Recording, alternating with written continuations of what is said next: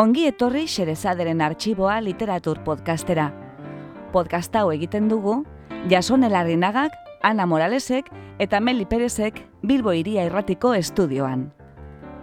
Guk bezala, zuk ere uste baduzu munduan gauza gutxi direla hain atseginak nola ipuinon bat patxada zentzutea, gera zaitez gurekin, eta prestatu munduko kontakizunik bikainenez, Euskaraz, kosatzeko.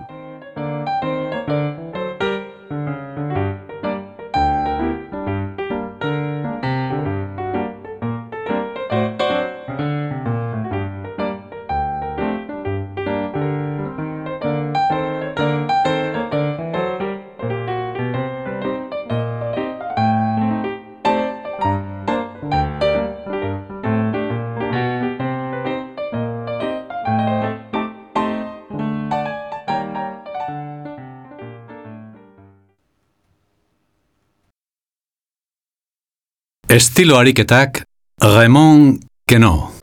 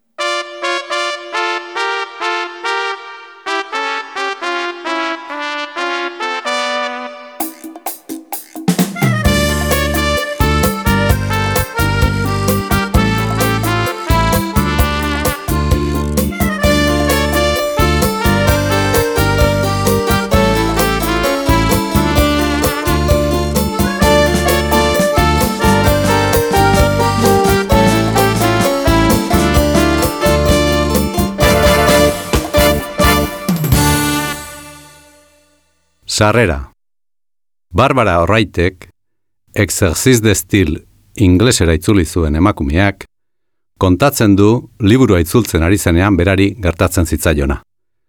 Tarteka jendia galdatzen omen zion, zea izara itzultzen orain. Eta berak esaten omen zien, ba, remonken oren liburu bat. Normalean, hiru erreakzio mota izaten omen ziren. Zaila izangoan oski, esaten omen zuten batzuek, edo beste batzuek. Nor da barra monkeno hori? Edo bestela esaten omen zuten. Aha.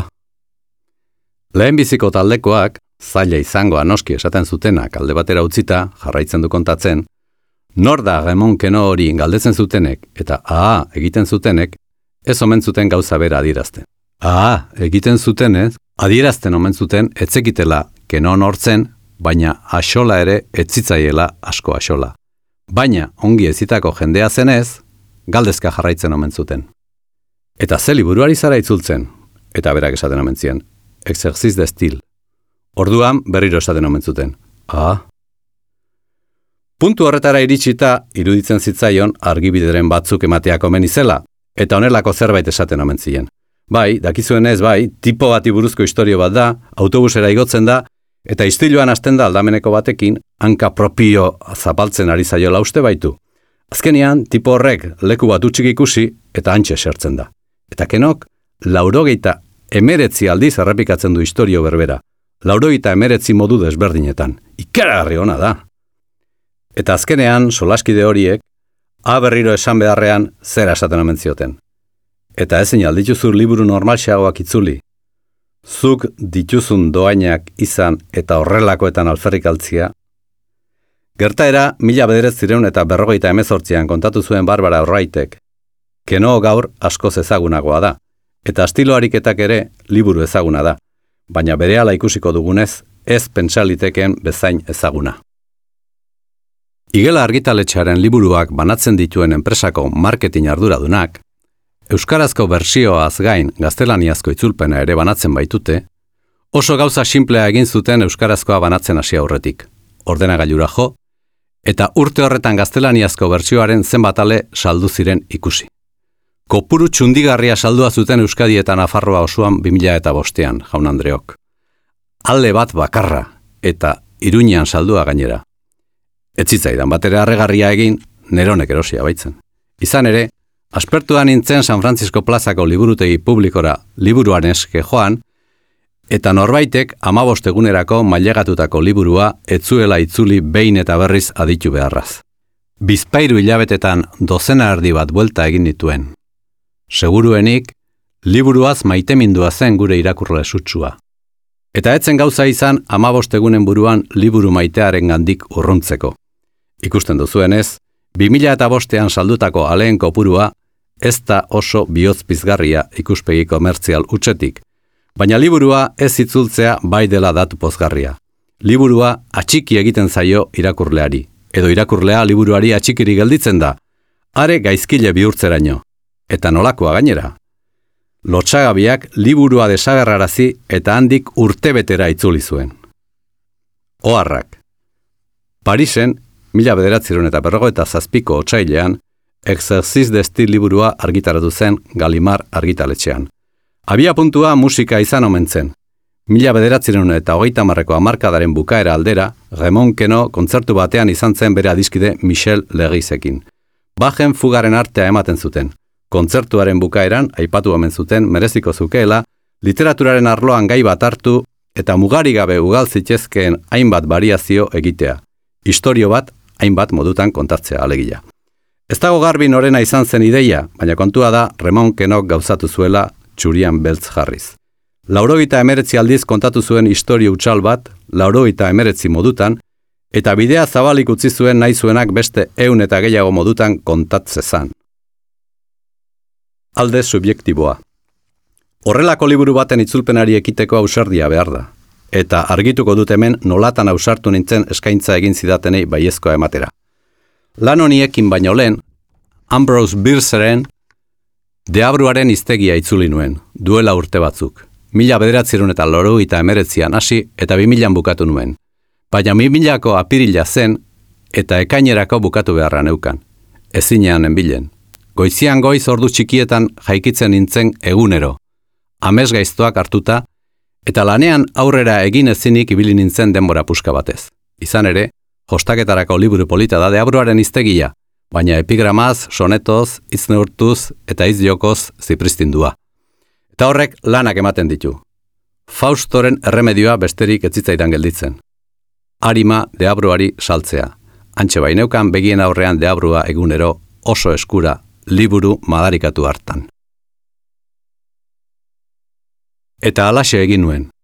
Bai, deabruari arima salduzkero, lana bukatuko nuen. Aixa, ohorea eta ospea lortuko nituen, baina zoriona etzen erabatekoa izango. Larrutik ordainduko nuen, izan ere horren trukean, ez ez esaten ahaztuko zitzaidan. Gaztetasunaren eta euskal nortasunaren azken urteetako ezaugarri nagusietako bat, ez ez esateko joera, galdu egingo nuen. Eta alaxe gertatu zitzaidan 2008an kenoren liburua itzultzea proposatu zidatenean. Nahi gabe, onelako pentsamentuak etortzen zitzaizkidan burura. Bai gizona, liburua laburra duk. Epeak ere ez dituko soestuak. Gure amazenak esango zuken bezala, deabru ari tentatzen.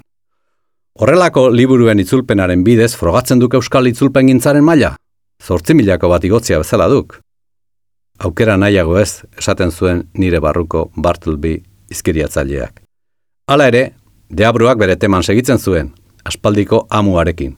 Ospea izango duk, itzultzaileen olimpora igoko aiz, mundiala izango duk. Keno, keno, kenai, bade retro, utikan, esan nahi nuen.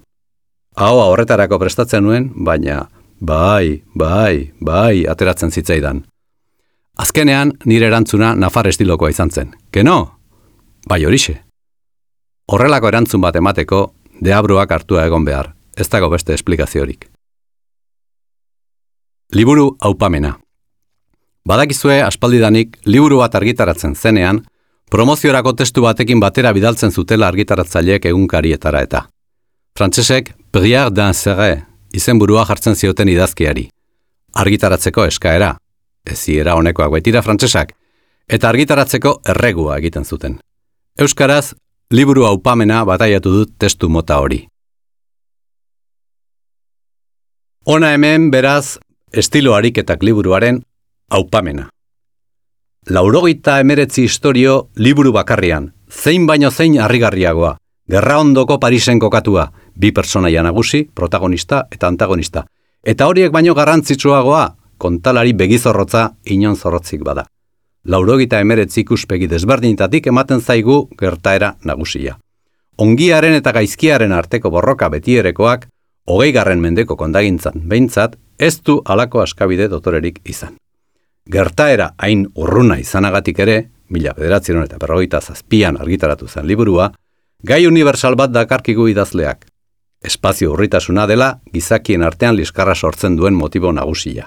Horregatik, liburuak denborarekin ez du gaurkotasunik galdu. Alderantziz, irabazi egin du gaurkotasunari dagokionez, planeta gain populatuz doan einean. Gaur, Euskaraz irakurtzeko aukera duzu. Itzulpena gainera, paregabia da. Ez du parerik, bakarra baita, orain arte behintzat. Egoki egokia euskaltegietarako. Lehen biziko urratsetik amabigarren urratseraino. Irakasleak aurkituko du mailak eta egokia egiteko modua. Egoki egokia gazteek irakurtzeko. Bost urtetik aurrera, aurra, irakurtzen baldin badaki behintzat, gauza da historia hauek irakurtzeko. Adinean aurrera joan ahala, noski, sakontasun aldetik hobeto ulertuko du, baina badakigu betire obedela gazte-gaztetandik irakurtzen hastia. Egoki egokia literatur zale taldeetan irakurtzeko. Komeni baita noiz edo noiz itzulpenen bat irakurtzea. Egoki egokia irakurle amorratu, baina bereziki literatur zale ez denarentzat, suspenserik gabeko liburuak ere irakur daitezkeela beren baitan frogatzeko. Egoki egokia idazle izan nahi duten entzat. Tonu kontuetan lagunduko baitie, lehendik zituzten zalantzez gain, beste batzuk izaten. Egoki baino egokiagoa, egarako prestatzeko, izan ere, zer da baliburu hau berridazketa ariketa luze bat ezpada. Jaun Andreok, liburu hau opari bat da literatur zaleentzat, eta literatur zaleentzako oparia da. Baina ez literatur zaleentzat bakarrik, edo ere opari egokia da. Urtian zehar, makina bat egun dituzue aukeran liburu hau oparitzeko. Durangoko azoka, egu berri una eta errege una, geroxiago San Valentin eguna eta emakumearen eguna. Handik laster, aitaren eguna, gero, amaren eguna, alabaren eguna, semearen eguna, espiritu santuaren eguna, bada eguna franko. Beraz, irakurtzen dakienik baduzu inguruan, horrelako egunen bat gero eta hurbilago duzunean, zer erosi ez dakizula baldin bazabiltza, erregalatu liburu hau eta bete-betian asmatuko duzu. Gainera, konforme gelditzen ez pazara, amabost urte dituzu liburua itzultzeko. Nahi duzun hizkuntzara, are euskarara ere, gu ezkara hortan sartuko. Ez esan ez ditugula errestasunak ematen. Gainera, orain, liburu ontaz gozatu eta zure literatur ezagupenez arrokerian ibiltzeko, ez daukazu irakurri beharrik ere. Aski duzu, belarriak zabaldu eta entzutea. Notation. Oharrak.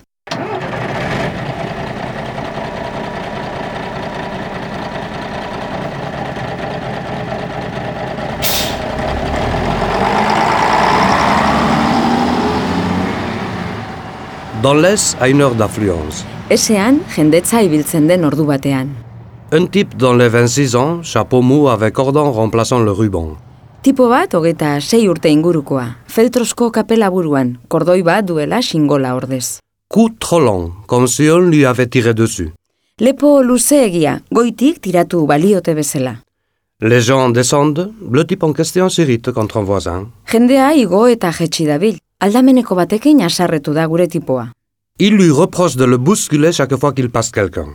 Tom pleurnichard qui se veut méchant. Comme il voit une place libre, zut, se précipite dessus. Baten bat pasatzen denean bultza egiten diola aurpegiratu dio.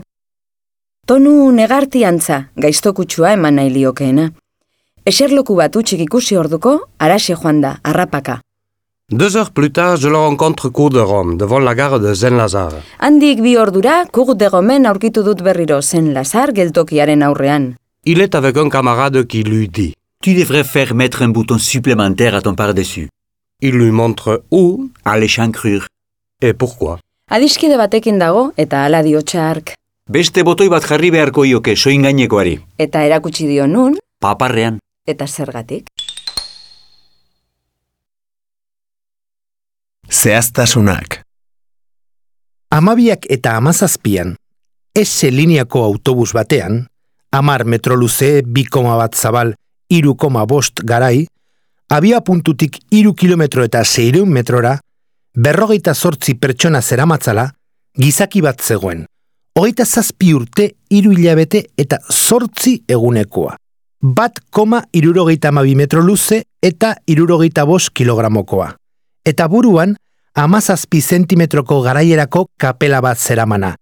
Hogeita amabos zentimetroko xingola batez inguratua, txano aldean. Gazteak kargu hartu zion, berrogeita zortzi urte lau hilabete eta hiru eguneko gizonezko bati, bat koma irurogeita zortzi metroko luzerakoa eta irurogeita amazazpi kilogramokoa bera, amalau hitz erabiliz. Bost segundo behar izan zituen haieke bakitzeko eta amabost edo hogei milimetro inguruko bultzadak aipatu zituen gogoz kontra mugitzera behartzen omentzutenak. Handik bi koma amar metrora esertzera joan zen urrena. Eunda emezortzi minutu geroago, senlazak geltokitik amar metrora zegoen, aldirietako sarreran, eta luzetara paseatzen zebilen hogeita mar metroko tarte batean atzera aurrera. Hogeita zortzi urteko adiskide batekin, bat koma irurogeita mar metro luze eta irurogeita maika kilogramo. Eta ark aholku ematen zion, ama bost hitzetan, bost zentimetro mugitzeko zeniterantz, iru zentimetroko diametroko botoi bat. Ez ezka. Etzen ezontzi bat ez egazkin bat, baizik eta lurgaineko garraio bide bat. Etzen ez goizean ez arratxean, baizik eta eguerdian. Etzen ez umetxo bat ez agure bat, baizik eta gizon gazte bat. Etzen ez xingola bat ez listari bat, baizik eta galoi txirik ordatu bat. Etzen ez prozesio bat ez liskar bat, baizik eta bultzada bat. Etzen ez adeitzu bat, ez gaizto bat, baizik eta ipurterre bat. Etzen ez egia ez gezurra, baizik eta aitzakia bat. Etzen ez zutikako bat ez etzandako bat, baizik eta eseri naiz zukeen bat. Etzen ez bezperan ez biaramunean, baizik eta egun berean. Etzen ez iparreko geltokia, ez liongo geltokia, baizik eta zen lazar geltokia. Etzen ez aide bat ez ezagun bat, baizik eta adiskide bat. Etzen ez irain ez iseka, baizik eta janskera aholku bat. Birritan. Egunaren erdi aldera, eta eguerdian. Ese lineako eta kontrezkarpetik xamperretara doan autobus eta garraio publikoko ibilgailu batean, jendez gainezka eta ia beterik baizi joan, anengoen eta aurkitzen nintzen ni, plataforman eta atzealdeko zabalgunean. Erreparatu nion eta ikusi nuen, gizon gazte eta nerabe zahar bat, parregarri xamarra eta nahiko groteskoa. Lepo mehe eta zintzur iarra, listaria eta kordela zituena kapelaren eta ginbailaren inguruan. Astindu eta nahasmendu baten ondoren esan du eta aldarrikatu du, ahotsetan tonu negarti eta malko jario antzean, aldamenekoak eta bideideak apropos eta naita bultza egiten eta gogait eragiten diola, batemat jaisten eta ateratzen denean. Hori adierazi eta otik jaulki eta gero, han joan da ziztuan eta biatu da toki eta eserleku huts eta libre baterantz. Handik bi ordura, eta eun eta hogei minutu geroago, aurkitu dut berriro gizona, eta berrikusi kuk de jomen eta zanlazak geltokiaren aurrean. Handago, eta aurkitzen da, adiskide eta lagun batekin, eta ark aholku ematen dio, eta kuliatzen du, gehitzera eta jostera, botoi bat eta ezur borobil bat, zoen gainekoan eta berokian. Homéotéleute. Un jour de canicule sur un véhicule où je circule, gesticule en funambule au bulbe minuscule, à la mandibule en virgule et au capitule ridicule. Un sonambule lacule et l'annule, l'autre articule. Crapule Merci beaucoup, mais dissimule ses scrupules, recule, capitule et va posser ailleurs son cul. Une la prule devant la gueule zen l'azule, je l'aperçus qui discule à propos de boutule, de boutule, de partesule. Homeoteleutak. Bai bero handia. Eguerdia. Badator, tximist gurdia. Eta ari itxaroten, handia, sandia eta berendia. Haundien lagundia. Bata lepa hundia, eta bestea ipurta hundia. Aze izerdia. Nola pasatu aldamenetik esan gabe itzerdia. Kenadi, hankaundia! Eta hori esanik, han joan da sandia, nonbait jartzera, ipurdia. Pasatu denean, ordu erdia, zen lazar geltokiaren aurrean ordia, ikusi dut lehengo jendia. Ordia? Baina bi hoiek nordia? Bata ordia eta bestia mozkortia. Haze ez tabaidia. Botoi kontu ez aidia, Oi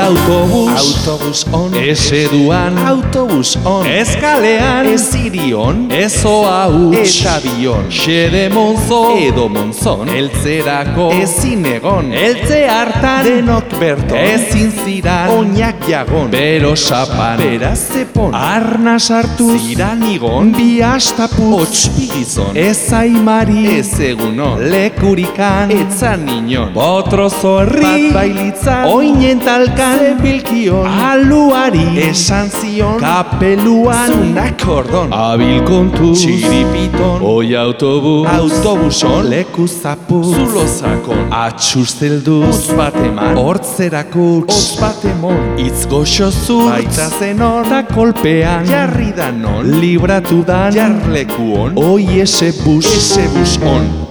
Zenbat malmuz, zenbat melon, aldez deus ez aiz delon, hau adituz nola iraon, oi busean, oi buseon, made in Japan, fe o Japon, poeta buz, poeta bon, naizelakuz, naizelakon, laureatu zeren jozton.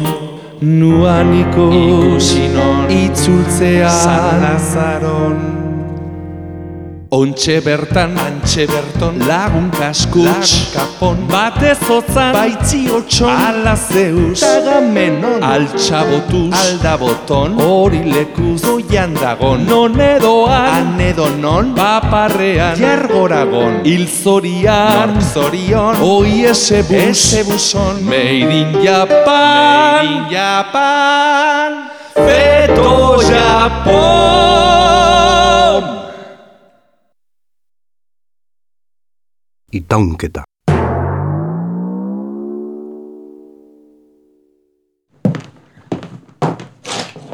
Ze ordutan pasatu zen egun hartan ese lineako amabiak eta hogeita iruko autobusa Xanperre taldera. Amabiak eta hogeita mezortzian. Jende asko altzegoen delako ese lineako autobusean, Mo mordoa, zer egin zitzaizun harrigarri bereziki.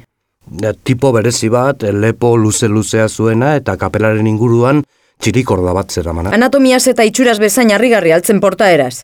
Hasieran ez normala zirudien, baina nortasun ziklotimiko paranoiko hipotentxo samarrekoa suertatu zen azkenean, suminkortasun hipergastrikoa joa gainera une hartan. Eta nola nabarmendu zen hori? Tipo bereziak kargo hartu zion aldamenekoari. Tonu negartiantzean galdetu baitzion, ea ez altzizkion nahita zabaltzen behatzak, bidaiariak igo edo jaisten ziren bakoitzean. Kargu hartze horre baltzuen funtsik. Ez jakin naiz kontu horretan. Nola bukatu zen gertaera? Gazteak iesari eman zion eta leku libre bat hartzera joan zen. Gertaerak izan altzuen berrekuntzarik. Bi ordu baino lehenago. Ze berrekuntza izan zen? Gizabanako berbera bidean berra gertu zitzaidan. Non eta nola berrikusi zenuen? Gude goma aurretik autobusean pasatzean. Zer zebilenan? Jo, e, dotoretasuneko aholkuak hartzen. Baserritarrak. Paper puntia lumero nibare den, baina gurdi mouko hartan illoa ginen alere. Gurdi moukoaren kartolan gendela, beste batzuek autobusa esaten diotena, ondo estu ginijoa zen, dana txingurrituta eta gortuta bai oixe. Dana ala patu deupa noizpaite eta behidatu dugun inguru eta jota ze ikusiko? Ta kankailo oitako bat, lepo luze eta zapela zea oitako batekin. Bai, lepu handia zekan ala gaina. Txapelak txirikor da bueltan emakumezkuana. Eta geho, esita ez no, jota hor jarria zuten kiskaltzen. Txakurranak eta bi esan zizkan gizon bati. Ixahua. Eta geho berriz horjuntzan eseitzea, kankailu handia. Ara, herri handitan olaxe sin mas gertatzen dian gauzatia hoik. Buruti pasatzea altzaizue jota berri ikusi deula kankailu handi bea, bi ordu gerogo baino lehen no. Pantrutxeko obispuaren palazioa bezalako eralkin baten aurrian, Ba. beste oik ben herriai ben izenez deitzeko esateuen bezala, Han zebilen kankailo handia atzea eta aurre BMUko beste alperrontzio batekin. Ta jota ze aizai osaten BMUko beste alperrontzioi? ala zion beste alperrontzio BMU-koarek, ala zion? Botoi oi motel, goaxo jarri beharko ukek, askos politia mangolikek. Horra, zei zitzaion esaten, ua kankailo handiai, zea, BMU-ko alperrontzio ua. Sonetoa. Txirikorda bonetan eta musuz bipil. Gazte lepame bat autobus zain zen goibel. Eguneroko trantzelarriak ari sabelaldean hasirik gizagaixo zirtzil. Bat heldu zen, zerrote? Amar bat, eseren bat, jendek eta darama guztiak erausian. Atzeko plataforman, jostailu erantxian, puru erretokia, aberats gaiztoentzat. Girafakume lehen estrofan aipudena, kargu hartzen hasi da muker rondokoari. Antza, bilatzen baitu beraren ondamena. Leku bat libre denez, harin bertan jesarri. Gero, itzulbidean, jaun bat txit nabarmena, botoi eta jaskera aztertzen zaioari. Auskalo. Ez daki zer nahi duten nigandik? Bai, ese hartu dute guardi aldera. Jenderik baltzen? Noski, ordu horretan? Feltrozko kapela zeraman gazte bat? Baliteke, bai? Nien aizibiltzen jendeari zudurzuloak miatzen, neri bost? Lokarri txirikordatu moduko bat altzuen kapela inguruan? Ados naiz bitxikeria dela, baina niri etzaitan jarrigarria iruditzen. Galoi txirikordatua. Aha, beste gizon batekin tira bira izan duela. Gertatzen dira alakoak ere. Eta ordu bete edo biren buruan ikusi ote dudan berriro. Zergatik ez. Bada bizitzan gauza harrigarriagorik. Esate baterako gogoan dut, aitak askotan kontatzen ziala, Tanka.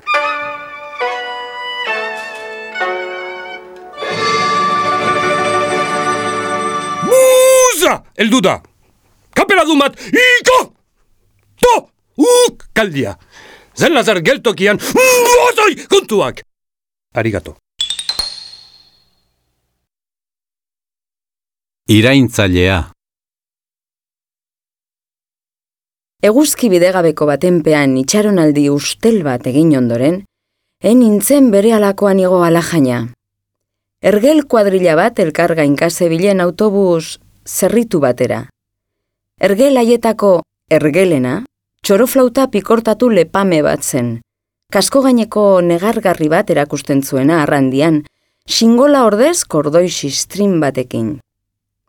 Arroputza bulaka hasi zen aitona alu batek, agure amorrazioa zapaltzen zizkiolako behatzak. Baina, airoso, ospa egin zuen kakaseriola libre gelditutako leku baterantz.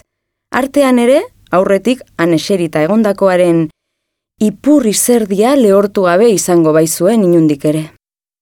Handik ordu pare batera, ezin libratuaren gandik, ergel berarekin topo egin behar, beste ergel batekin, hau berokeriatan ari baizen zen lazar geltokia esaten dioten monumentu nazkagarri horren aurrean. Botoi bat zela eta, han ari ziren babokeriak esaten. Nik neure artean zaldar ditxososko hori igo edo jaistak, itxusi amorratua izango aiz eta beti ere, ergel lalu hori. Anglizismoak. Dei batean, midday aldera, teikatu dut basa, eta man gazte bat ikiusi dut, neck great batekin eta hat lestrizatu batekin. Bat batean, man gaztea bikamtzen da crazy, eta akiusatzen du zer irrespectable bat tousak triratzeaz. Gero, randa leku enokiupatu batera. Hour late batean ikiusi dut egen. Up eta down wokatzen zen Zen Lazar Station aurrean. advaizea emaiten zion on baton baten gainean. Harrika da futurista prepositiboa. In bat egun, aldera erdiegu, nindoan platamorfeon bat autobus, eta zeran tropo ikusten dut popo hartan. Ni ikusten dut bat gazte gizon, kolepo luze eta sirikorda hon inguru olepo ezi xingola. Eta akusatu du bat gizon, eta kargu hartu derauko, zat oin zapaltzaile. Baina inola ere ez ez zerauk on zapaltzaine oinak, baina orduko bat kadira libre ikusi, ala kukurrikatu da, arato zeditu! Plus ordu bat berandu, ni ikusi auditzen kontseiluak on doktoretasuna, zeinak lagun on bat emaiten baitzerau kon. Onomatopeiak.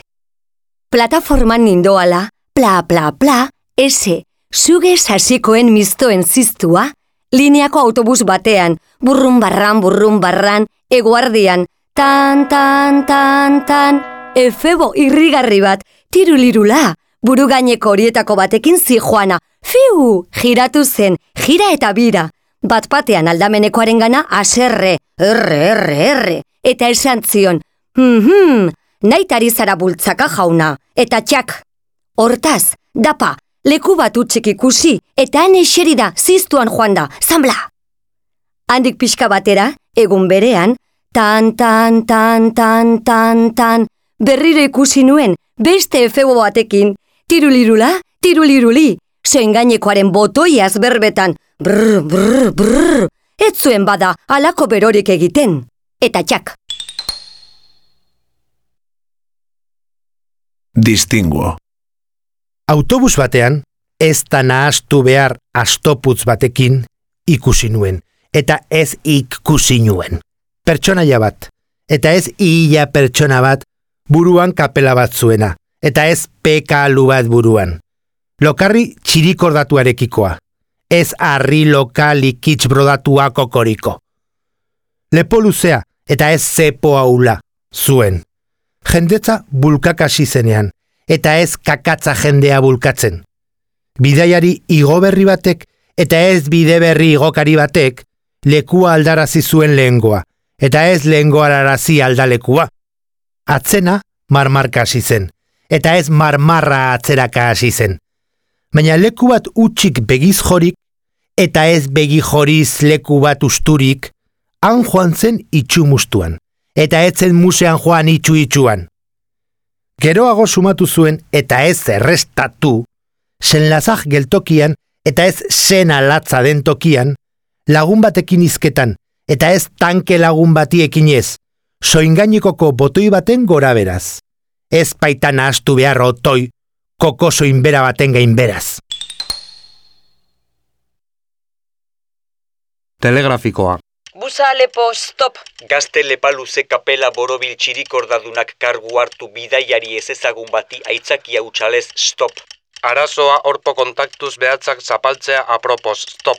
Gazteak eztabaida utzi eta leku libre bat hartu stop. Ordu bietan plaz gomen entzun janskera aholkuak lagun stop. Botoi goratu stop. Stop. Stop.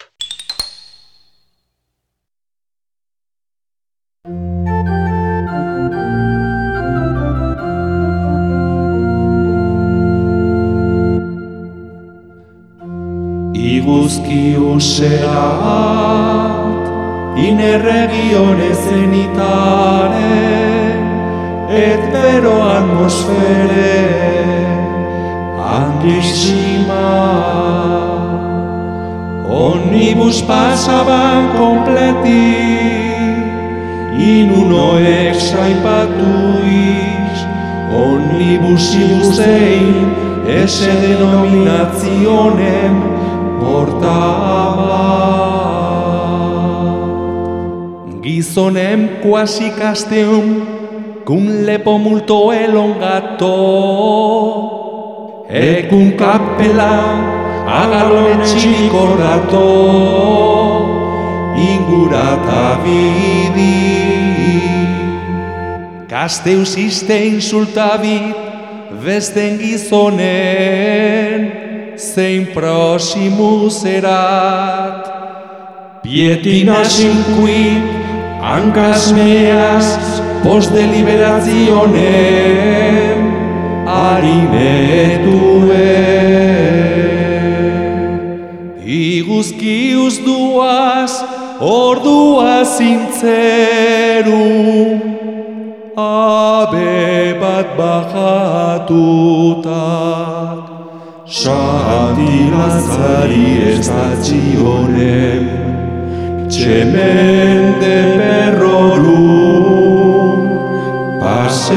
pasente aurrean, gazte unaipatun, kun altero ejus deno gine,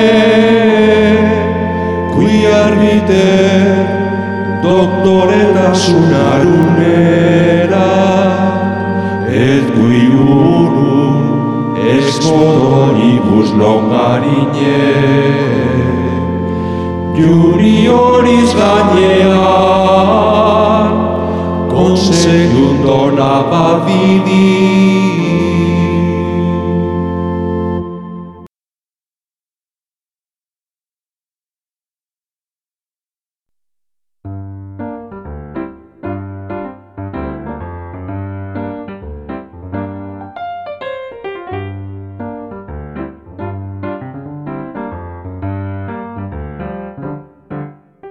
Xerezaderen artxiboko beste atal bat entzun duzu.